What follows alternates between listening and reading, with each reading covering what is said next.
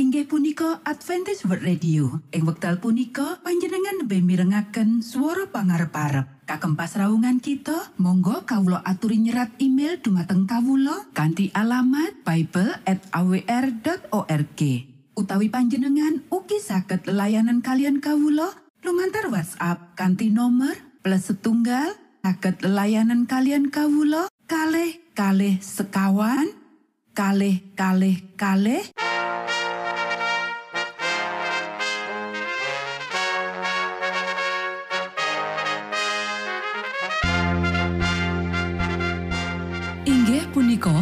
Adventist World Radio ingkang giaran kanthi basa Jawi. Tentrem Rahayu kula aturaken kagem para mitra kinasih ing pundi papan lan panggonan. Sugeng pepanggihan malih kalian Adventist World Radio. Kanti bingahing manah Kulo badi sesarengan kalian poro mitra kinasi. Lumantar saperangan adicara ingkang sampun rinonci. Mligi kagem panjenengan sami. Mugi giaran punika saged migunani tuen dados berkah kagem kita sedoyo. Sugeng midhangetaken Gusti amberkahi.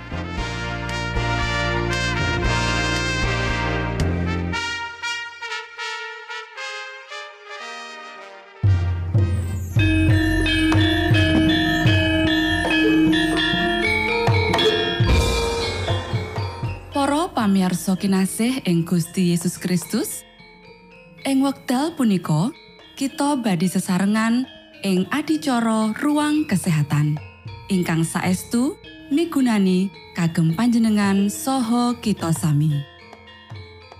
Tips utawi pitedah ingkang dipun aturaken ing program punika tetales dawuhipun Gusti ingkang dipunnyatakaken ing kitab suci. Semanten ugi sakehing seratan ingkang dipun wangsitaken dening Gusti Allah. Nanging saderengipun, monggo kita sami midhangetaken kidung pujian.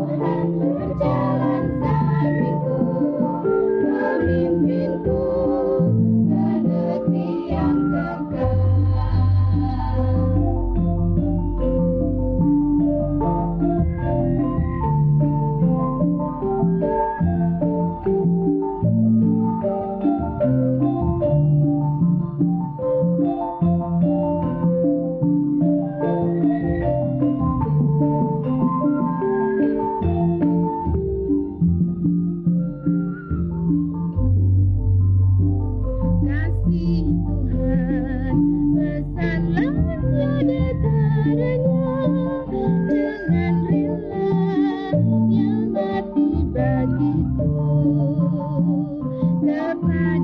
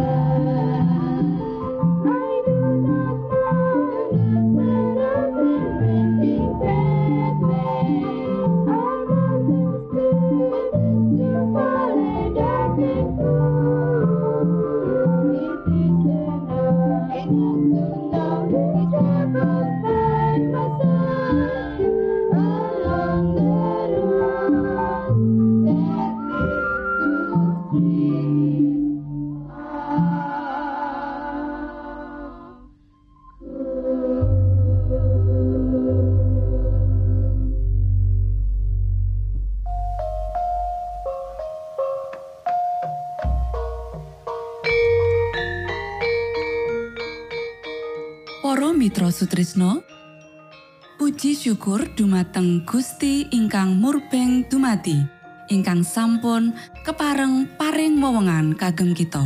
Satemah saged nglajengaken ruang kesehatan. Pirembakan kita semangke kanthi irah-irahan. Panganan anget dudu panas.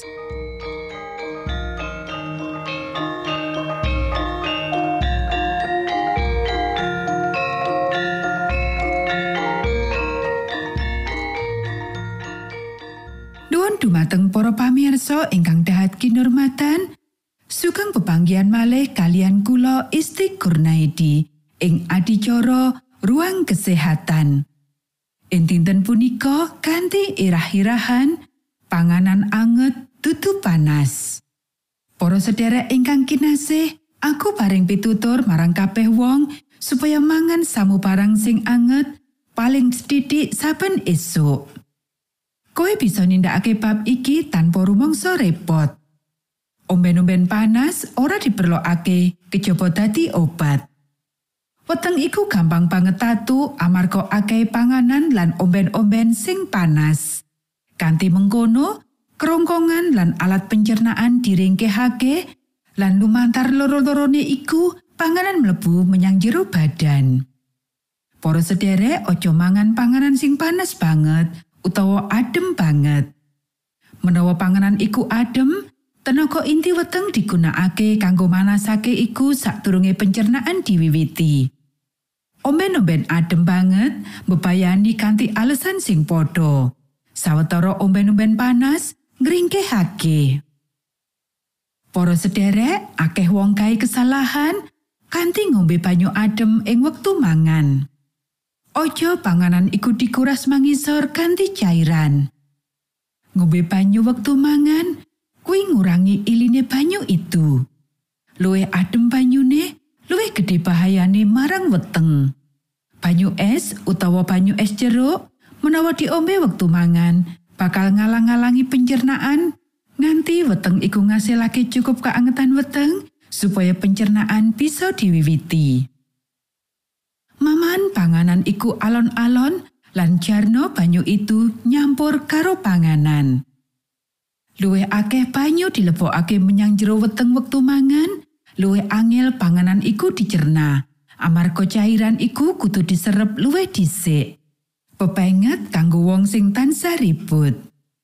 Para sederek, aku didhawuhi kanggo ngandhakake marang para juru karya kita ing rumah sakit lan marang guru lan mahasiswa ing sekolah kita menawa kita perlu ngayomi diri sakjroning bab selera. Ana bebaya menawa kita rumangsa-mangsa bodho sakjroning bab iki kanthi ngejarake tanggung jawab lan tugas kita nyerep wektu satemah kita ora duweni wektu kang cukup kanggo mangan kaya dene pantese. Pawartan marang kowe ya iku iki. Sisihna wektu kanggo mangan, aja ngebaki wetengmu karo maneka wanganan saben mangan. Mangan panganan sing maneka warna kanthi kesusu ya iku sawijining kesalahan sing fatal. Mangano alon-alon lan maman kanthi teliti. Kanggo ngentuki pencernaan sing lancar, panganan kudu dipangan karo alon-alon. Dheweke sing pengin ngendani lelara gangguan pencernaan, bakal eleng pitutuh iki becik-becik. Wong-wong sing ngrasakake kewajiban kanggo ngrumat kabeh kuasane sakjroning sawijining kahanan sing mungkinake dheweke kanggo menehi platosan paling becik kanggo Allah, kutune ora nglalekake. Menawa wektu mangan winates banget, aja langsung diemplok panganan iku, nanging panganan sedidik lan maman panganan iku alon-alon. Kasiat panganan ora dientuki saka akeh nanging saka pencernaan sing temenan. Dudu uga kemaremane selera amarga akeh panganan sing diulu, nanging suwene panganan iku ing sanjrone tutuk. Wong-wong sing banget seneng, utawa lagi susah hati, utawa lagi kesusu, luwih becik aja mangan nganti dheweke tenang lan bebas, amarga tenaga iki ora akeh ngetokake cairan pencerna, awit amarga wis nanggung beban akeh. Para sederek, panganan kudu dipangan kanthi alon-alon lan kudu dimamah kanthi temenan. Iki perlu supaya banyu itu cumampur karo panganan lan cairan pencernaan bisa tumindak. Matur nuwun Gusti amberkahi.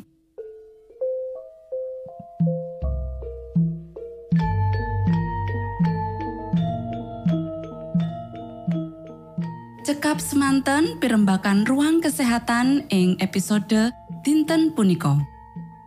Ugi sampun kuatos jalaran kita badhe pinanggih malih ing episode sak lajengipun.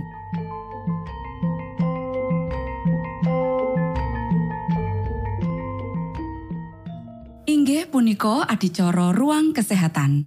Menawi panjenengan gadah pitakenan utawi ngersakaken katerangan ingkang langkung, Monggo Kulo aturi Kinton email dateng alamat ejcawr@ gmail.com utawi lumantar WhatsApp kanti nomor 025 pitu 00 songo songo papat 00 pitu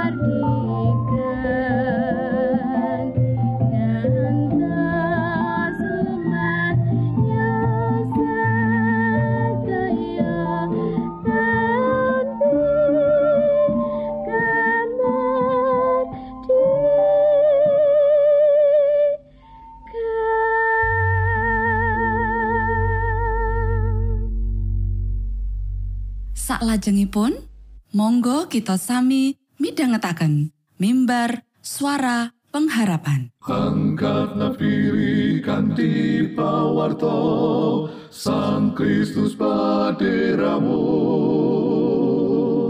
Pro umat samyo puji asmanyo Sang Kristus paderamu Inggih punika mimbar suara pengharapan.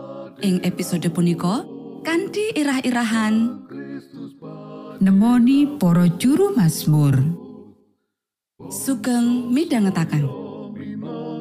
tondo Sang Kristus paderamu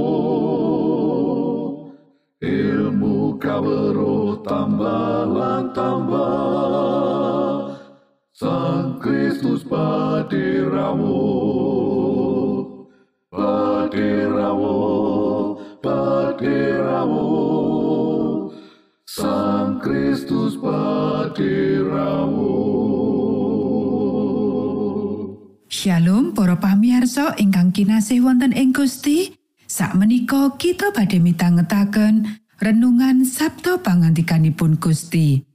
Ing dinten punika kanthi irah-irahan nemoni para juru Mazmur. Para sedherek ingkang kinasih, Sang Prabu Dawud sing asmane muncul ing irah-irahan saperangan gedhe kitab Sabur, sigra ing pranatan liturgi pangibadah wong Israel. Sang Prabu Dawud uga juru Mazmur kang nesemake ana ing Israel.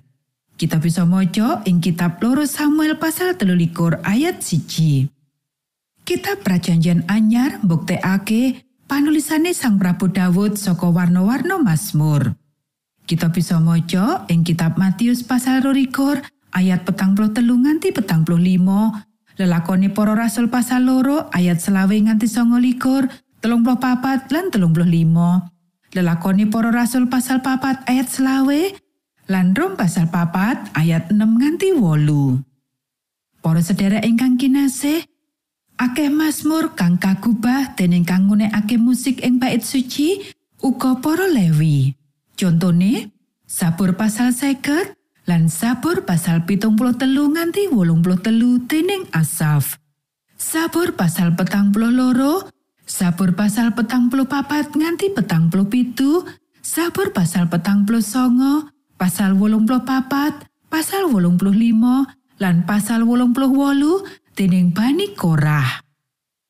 Sabur pasal wolung puluh wolu dening Heman wong Israhi lan Sabur pasal wolung puluh songo dening Etan wong Israhi. Sakjabane wong-wong iku ana Prabu Sulaiman yaiku Sabur pasal pitung puluh loro lan Sabur pasal 117. Nabi Musa Sabur pasal sangang puluh kang nulis ing sapirangane kitab Sabur. Para sedherek ingkang kinasih, Sang Roh Suci paring wahyu marang para juru Mazmur lan gunakake talentane wong-wong iku kanggo nglatosi Gusti Allah lan komunitas iman wong-wong iku. Juru Mazmur yaiku wong-wong kang duweni lelaten kang tulus lan iman kang jero. Nanging gampang semplah menggaing pacoban kaya kita kabeh. Senadyan katulis rada suwe, kitab Sabur mesti nggambarake apa sing nembe kita alami saiki. Ayo kita waca Sabur pasal 88 ayat telu lan papat. Pandonga kawula mugi sumengkawa dhateng ing ngarsa paduka. Paduka mugi karso nilingaken dhateng pasambat kawula. Amargi nyawa kawula tuwa ing kasisahan lan gesang kawula sampun celak kalian jagatipun tiang pecah. Ayat-ayat iki minangka pasambat jiwa abad selikur padha kaya dene pasambat pawongan telung ewu taun kapungkur. Para sedherek ingkang kinasih, sawetara Mazmur nyebutake kasusahan, sawetara fokus ing kasenengan. Juru Mazmur sesambat marang Gusti Allah kanggo nyelametake dheweke lan ngalami sih rahmat sing ora pantes dipikulei. Podho ngluhurake Gusti Allah amarga kasetyan lan katresnaning Gusti lan setya janji ngabekti tanpa semplah marang panjenengane. Kanti mangkono, Kitab Zabur minangka paseksi babagan panebusan ilahi lan pratandha sih palimirmane lan pangarep Gusti. Kitab Zabur nyurasakake prasetyan ilahi marang kabeh wong sing ngrangkul kanthi iman, palimirmaning pangapura Gusti Allah lan panguripan kang anyar. Nanging ing wektu sing padha, dheweke ora nyoba nutupi ndelikake utawa nyuda kasusahan lan kasangsaran sing umum kedadian ing jagat sing wis tumiba. Monggo kita sami ndedonga. Duh Rama kawula ingkang wonten ing swarga, asma patuko mugi kasucikaken. Kraton patuko mugi rawuh, karso patuko mugi kalampahan wonten ing bumi, kados dene wonten ing swarga. Kawula mugi kaparingan rejeki kawula sak cekapipun ing dinten punika. Soho patuko mugi ngapunten kalepatan kawula, kados dene kawula inggih ngapunteni tetiang ingkang kalepatan dhateng kawula. Punapa dene kawula mugi sampun ngantos katantukaken dhateng ing panggoda, nanging mugi sami paduka uwalaken saking piawon.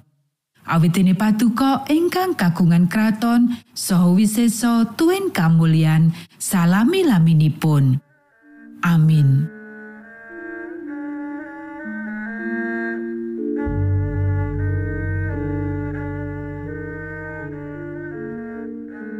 Para Mitra Sutrisno pamiarsa kinasih ing Gusti Yesus Kristus sampun paripurno pasamuan kita ing dinten punika. Menawi panjenengan gadah pitakenan utawi ngersaakan seri pelajaran Alkitab suara nubuatan Monggo Kulo aturi kinton email dateng alamat ejcawr gmail.com utawi lumantar WhatsApp kanti nomor 025 pitu 00 songo songo papat 00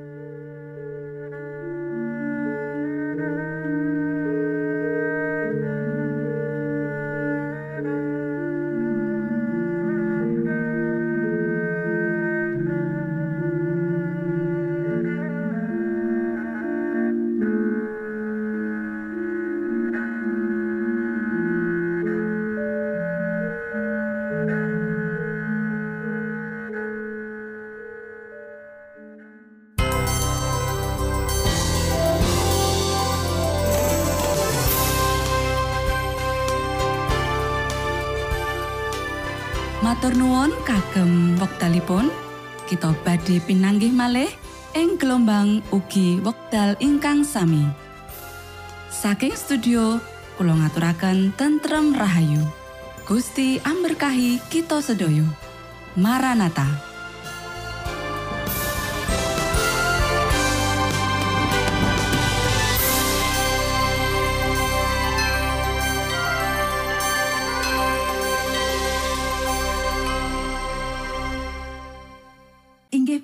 Adventist World Radio. Ing wekdal punika panjenengan lebih mirengaken swara pangarep-arep. Kagem pasraungan kita, monggo kawula aturi nyerat email dumateng kawula kanthi alamat bible@awr.org. Utawi panjenengan ugi saged layanan kalian kawula lumantar WhatsApp kanthi nomor plus setunggal saged layanan kalian kawula kalih kalih sekawan kalih kalih kalih